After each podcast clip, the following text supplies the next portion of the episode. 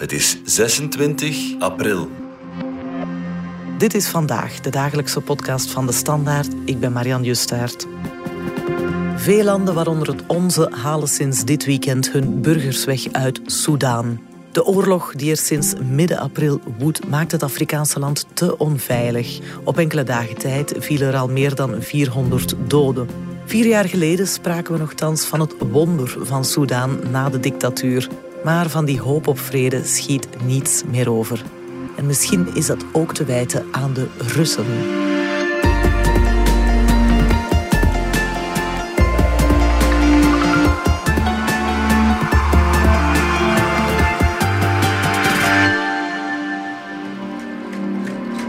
At this very moment, we are uh, organizing a very last um, operation, but uh, we um, we rescued more than 400 people, um, amongst which more than 150 from France and all the others from a lot of countries. Dat was de Franse president Emmanuel Macron in het Engels over de evacuatie van burgers uit Soudaan. Koen Vidal, chef van onze buitenlandredactie. Ja, het Westen is massaal burgers aan het evacueren. Hè. Zijn daar ook Belgen bij? Ja, daar zijn uh, Belgen bij. Voorlopig gaat het om 17 landgenoten die zijn geëvacueerd. 16 met uh, vliegtuig en één is helemaal over land. Waarschijnlijk naar de Ethiopische grens uh, gegaan en vandaar verder geëvacueerd. Een twintigtal landgenoten heeft te kennen gegeven dat ze eigenlijk ja, niet geëvacueerd willen worden. Uh, willen daar blijven om verschillende Ah, ja. redenen. Ja, dus die gaan voorlopig niet op dat aanbod uh, in om um, te kunnen vertrekken. Mm -hmm. Nu, het is heel onveilig en om dat conflict te begrijpen in Soudaan, want het is best wel complex, moeten we misschien toch eens even teruggaan in de tijd naar voor 2019, toen het land eigenlijk 30 jaar lang geregeerd werd door een dictator, al-Bashir. Koen, ja, vertel eens. Ja, veel van de problemen die nu tot dat conflict uh, hebben geleid, zijn eigenlijk al aanwezig sinds de tijd van uh, Omar al-Bashir. Het is sinds 1989 het land in een hele stevige greep had, ja, die veel oorlog heeft gevoerd. Darfur is het bekende voorbeeld. Genocide ja. in Darfur, naar schatting 300.000 mensen die zijn omgekomen. Maar natuurlijk ook een heel bloedig conflict met wat nu Zuid-Soedan is. Het is een verschrikkelijke oorlog geweest en daar heeft het leger en de milities van al-Bashir evengoed oorlogsmisdaden gepleegd. Belangrijk is ook dat het netwerk rond al-Bashir ook de economische macht in handen had. Voor de afscheiding van Zuid-Soedan was dat olie, miljarden aan olie, dus dat is een heel machtig netwerk. Daarnaast ook goud. Ja. Soudaan is het derde belangrijkste goudland van het Afrikaanse continent. Werkelijk voor miljarden goud zit daar in de bodem.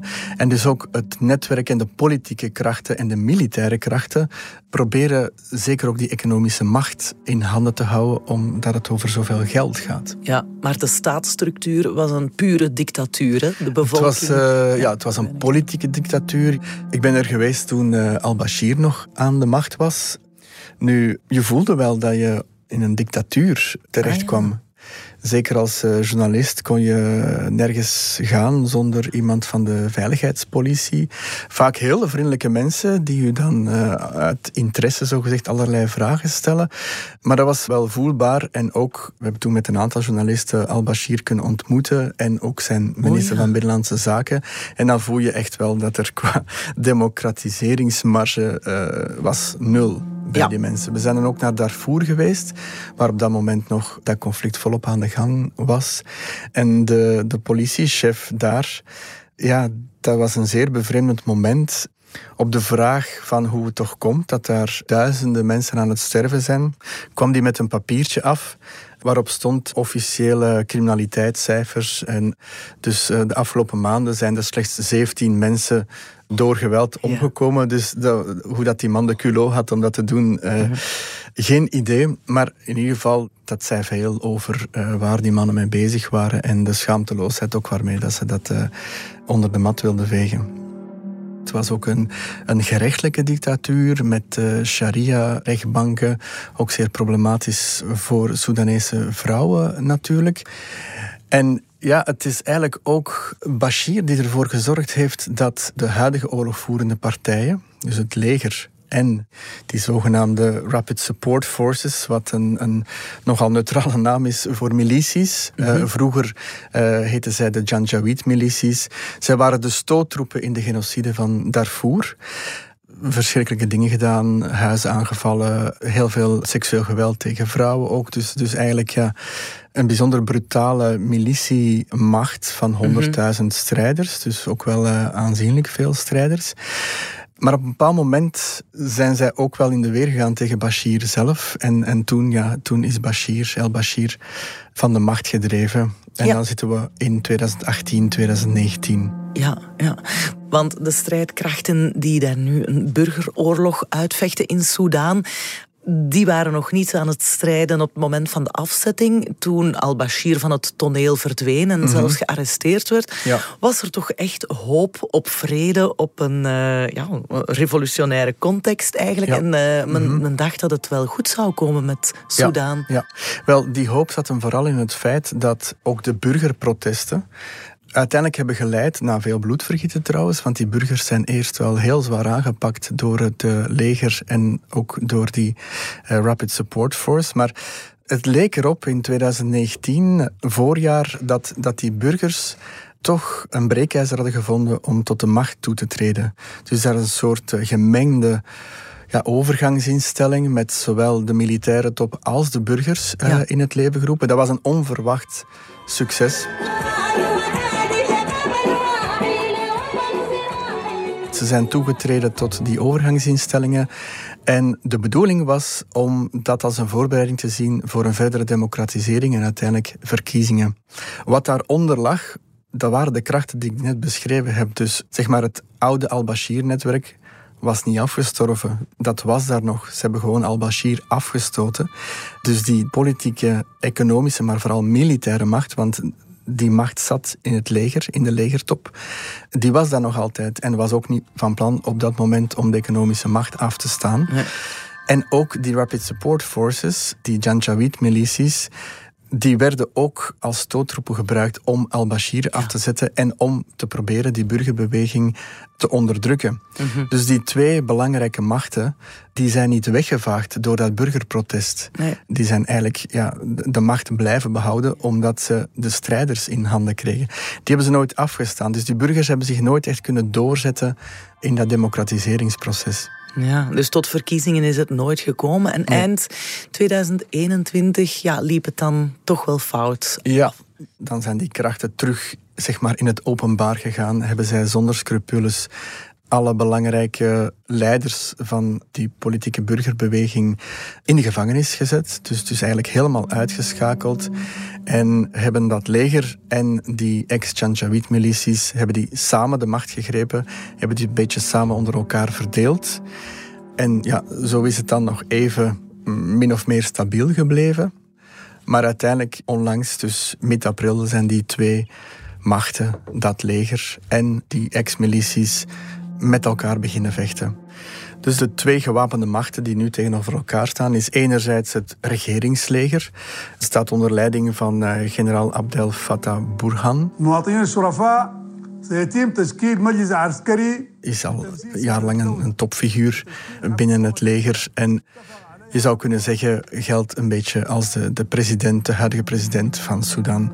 Daartegenover staan die Rapid Support Forces, die ex-Janjaweed-milities, onder leiding van generaal Mohamed Dagalo, die ook meestal aangeduid wordt als eh, generaal Hemeti.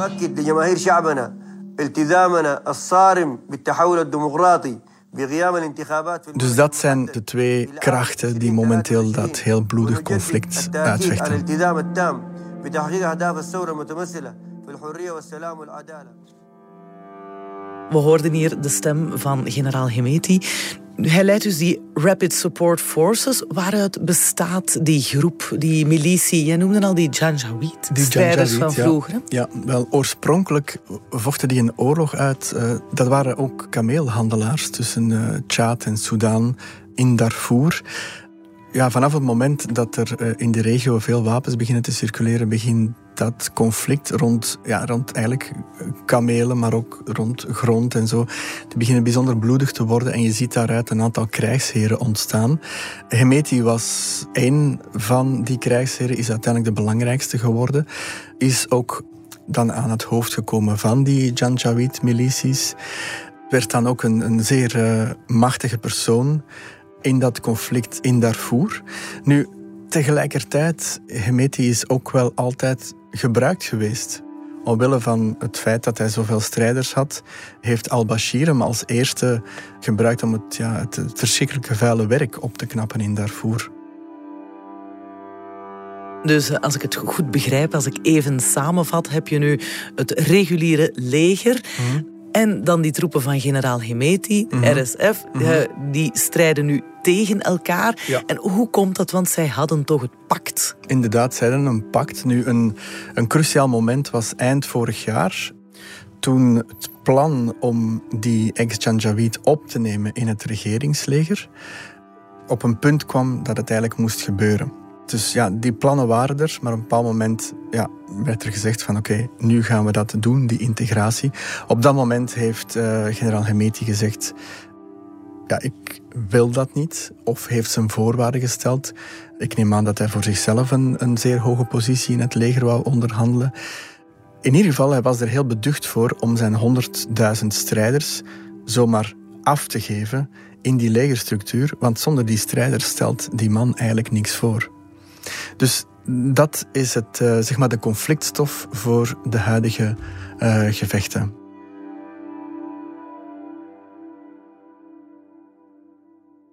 Om het nog wat complexer te maken, er zijn ook andere landen betrokken. Hè? Bijvoorbeeld Rusland. Ja, de, de connectie met Rusland is natuurlijk heel um, belangrijk. Voor de Russen is het toegang tot het Soedanese goud ah, heel ja, belangrijk. Natuurlijk, ja. Dus zelfs ten tijde van al-Bashir zijn de Wagner-huurlingen daar actief geworden. Zij controleren een zeer belangrijke goudmijn. Dus momenteel met al de sancties enzovoort is dat wel een letterlijke goudader voor de Russen. Uh, dus, dus economisch eh, is dat belangrijk.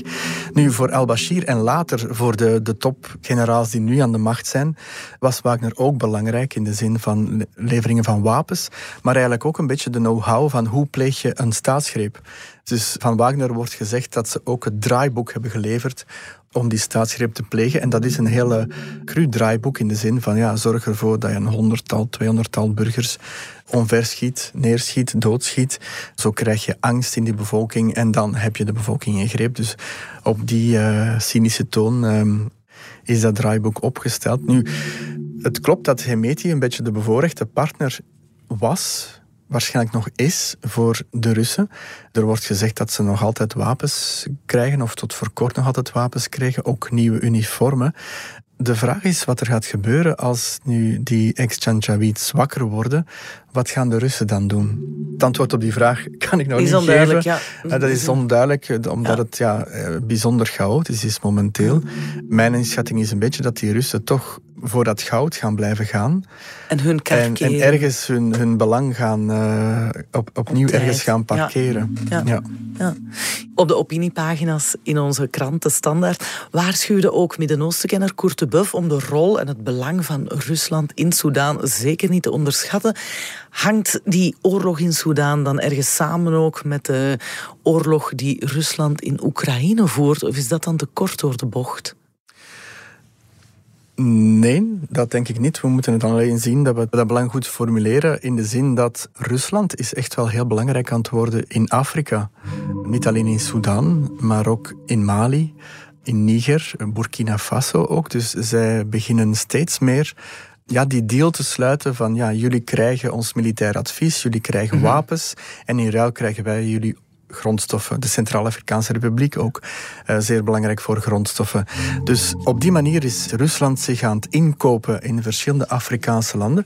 Vaak landen, Sudan nu niet echt, maar vaak zijn het landen waar een, een traditionele Franse invloed is. Dus ja, Frankrijk met name is daar bijzonder veel belang aan het verliezen, ook invloed aan het verliezen. En Rusland destabiliseert ook al die landen. Dus uh, het is niet zo dat dat neutrale contracten zijn. Dat gaat altijd over het onderdrukken van mensen, om het, ja, eigenlijk het, is het vermoorden van heel veel mensen, om een dictatoriaal regime in stand te houden in ruil voor miljarden aan grondstoffen. Dus ja, dat is een enorme machtsverschuiving die momenteel aan de gang is, maar wel een verschuiving die tot steeds meer geweld en instabiliteit aan het leiden is. We gaan er even uit voor reclame en daarna focussen we op de bevolking, hoe zij die hele situatie ervaren. U overweegt een nieuwe bedrijfswagen? Dan wist u natuurlijk al dat vanaf 1 juli de aftrekbaarheid van plug-in hybride voertuigen jaarlijks daalt. Nu goed, fiscaliteit is uiteraard belangrijk, maar luxe en comfort zijn dat minstens evenzeer. En dat moet u gewoon zelf ervaren. Kom onze plug-in hybride en volledig elektrische Mercedes-Benz modellen testrijden tijdens de Electric Driving Days bij Hedin Automotive. Reserveer nu uw plekje achter het stuur op hedinautomotive.be.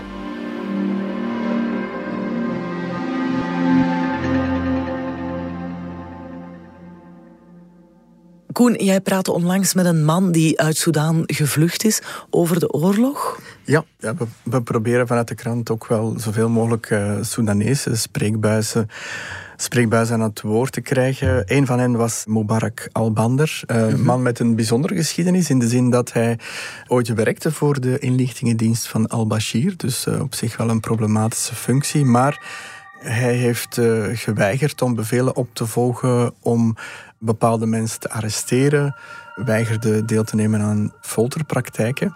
En is daardoor eigenlijk zelf in de problemen geraakt. Uh, hij is zelf gearresteerd, is zelf gefolterd, uh, maar is er uiteindelijk in geslaagd om te ontsnappen en via Egypte dan Europa te bereiken. En hij woont nu in België is nog altijd wel zeer goed geïnformeerd. Dat merk je wel, dat hij contacten onderhoudt met veel mensen.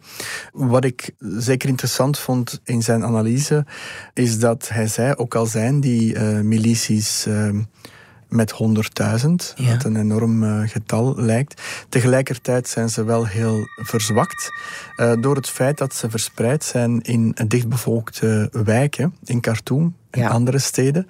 Nu, dat is ten eerste verschrikkelijk voor de burgerbevolking, omdat daar een stadsoorlog wordt uitgevochten. Dus die oorlog uh, voltrekt zich in dichtbevolkte ja. woonwijken, waardoor burgers eigenlijk de eerste slachtoffers zijn, in dat spervuur terechtkomen en uh, dus, dus bijzonder kwetsbaar zijn.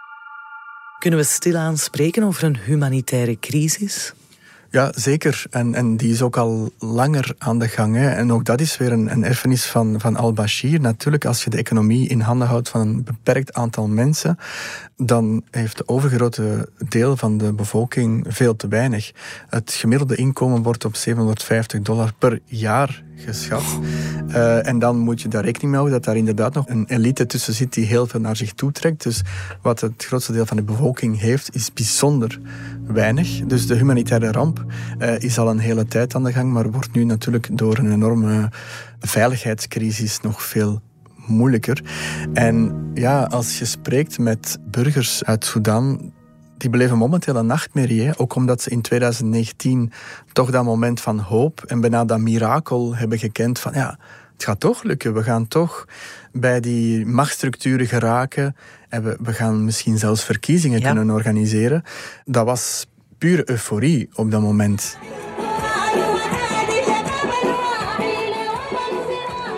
En voor zover dat de afgelopen jaren ja, had dat al wel een deuk gekregen natuurlijk, maar nu is het echt terug naar af. Dus de desillusie en de frustratie bij heel veel Soedanezen, die echt wel beschikken over die kracht om democratisering te realiseren. Ook al is dat heel moeilijk, hè. gebeurt dat met heel veel fracties, men zegt honderd verschillende partijen enzovoort. Dus dat is een heel moeilijk proces. Maar hoe dan ook, allez, die wil was wel gedeeld bij een groot deel van de bevolking. Ja. En dus momenteel is het terug naar af. Maar ook terug naar af in de zin dat je, je, je om je kinderen moet zorgen maken van ja, hoe gaan we Egypte bereiken, want ja. we zitten hier in een wijk. Ja. Um, waarschijnlijk ook de, de geen gezondheidszorg meer, onderwijs. Nee, dat is, dat is echt dramatisch in elkaaf gezakt. En Ja, het is zelfs zo macaber momenteel dat uh, een aantal mensen mij vertelden van ja, we gaan niet enkel vluchten voor de kogels, we gaan ook vluchten voor de verschrikkelijke geur uh, die in onze wijken hangt van de doden. Ja. Dus ja, in die zin terug naar af. Uh, je kan eigenlijk niet meer dieper zakken, denk ik. Mm -hmm. Dus dat is voor al die mensen een verschrikkelijke desillusie. Ja. Aan de grenzen van Egypte en Ethiopië staan tienduizenden Soedanezen. Mogen wij een nieuwe migratiegolf verwachten als dit uh, niet op korte termijn opgelost geraakt? Wel, om dat te zeggen is het nog wel te vroeg, uh, denk ik. De meeste mensen vertellen mij van ja, wij willen ons uh, gezin in veiligheid brengen en daarom ontvluchten we Khartoum. Het gaat om tienduizenden mensen. Van Egypte wordt gezegd, ze hebben de visumbeperkingen opgeheven voor die vluchtelingen. Maar wat mensen mij toch vertellen is van ja, we gaan niet meteen naar Europa doorreizen. Wij zijn niet rijk, maar wij hebben ook nog wel onze belangen. Ons, mm -hmm. ons huis of ons, of ons huisje. Onze, wij willen eigenlijk onze terug. job of een kleine handelszaak. Mm -hmm. Ja, voor die mensen is dat hun levensader natuurlijk. En ze gaan dat niet zomaar opgeven. Veel zal afhangen van hoe lang dat het conflict duurt en hoe lang dat er geschoten wordt. Zie jij ergens nog een sprankeltje hoop? Wat gaat er gebeuren? Ja, hoop is een, is een zwaar woord. Ik zie uh, de democratisering uh, niet meteen terug op gang komen. Ik denk dat dat heel moeizaam zal verlopen of niet. Um, dat valt allemaal af te wachten. Wat wel belangrijk is, is de vraag hoe lang wordt er gevochten. Als er terug enige vorm van stabiliteit komt, dan gaan veel mensen toch terugkeren.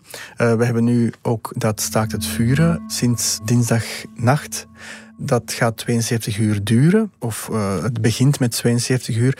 Nu, dat is echt af te wachten wat binnen die 72 uur mogelijk is. Ja. Uh, sommigen zeggen dat is een window of opportunity om Khartoum te ontvluchten, om expats te evacueren, maar ook voor burgers om zich in veiligheid te brengen. En dan daarna gaat het uh, pas Gewoon echt verder, ja. verder of... of echt goed losbarsten of nog meer losbarsten. Je hoort ook wel, er zijn pogingen om toch enige, enige vorm van onderhandelingen opnieuw te creëren. De VS is daar nogal uh, actief in. Uh, Blinken, de buitenlandminister van de VS, communiceert hier veel over. Dus dat wijst ook wel op dat zij proberen om iets uh, te redden. Of om een soort van platform te creëren om toch met elkaar te beginnen praten over op zijn minst een verlenging van dat staakt het vuren. Dus dat zijn wat de sprankeltjes hoop momenteel. Dat het terug iets stabieler komt, dat die gevechten op zijn minst ophouden. En dat het gevecht met de wapens een politiek gevecht terug wordt, maar uh, dat politiek gevecht dat zal niet gemakkelijk zijn. We blijven het in elk geval volgen. Dankjewel, Koen Vidal. Graag gedaan. Dit was vandaag de dagelijkse podcast van de Standaard. Bedankt voor het luisteren. Alle credits van de podcast die je net hoorde vind je op standaard.be slash podcast. Reageren kan via podcast.standaard.be.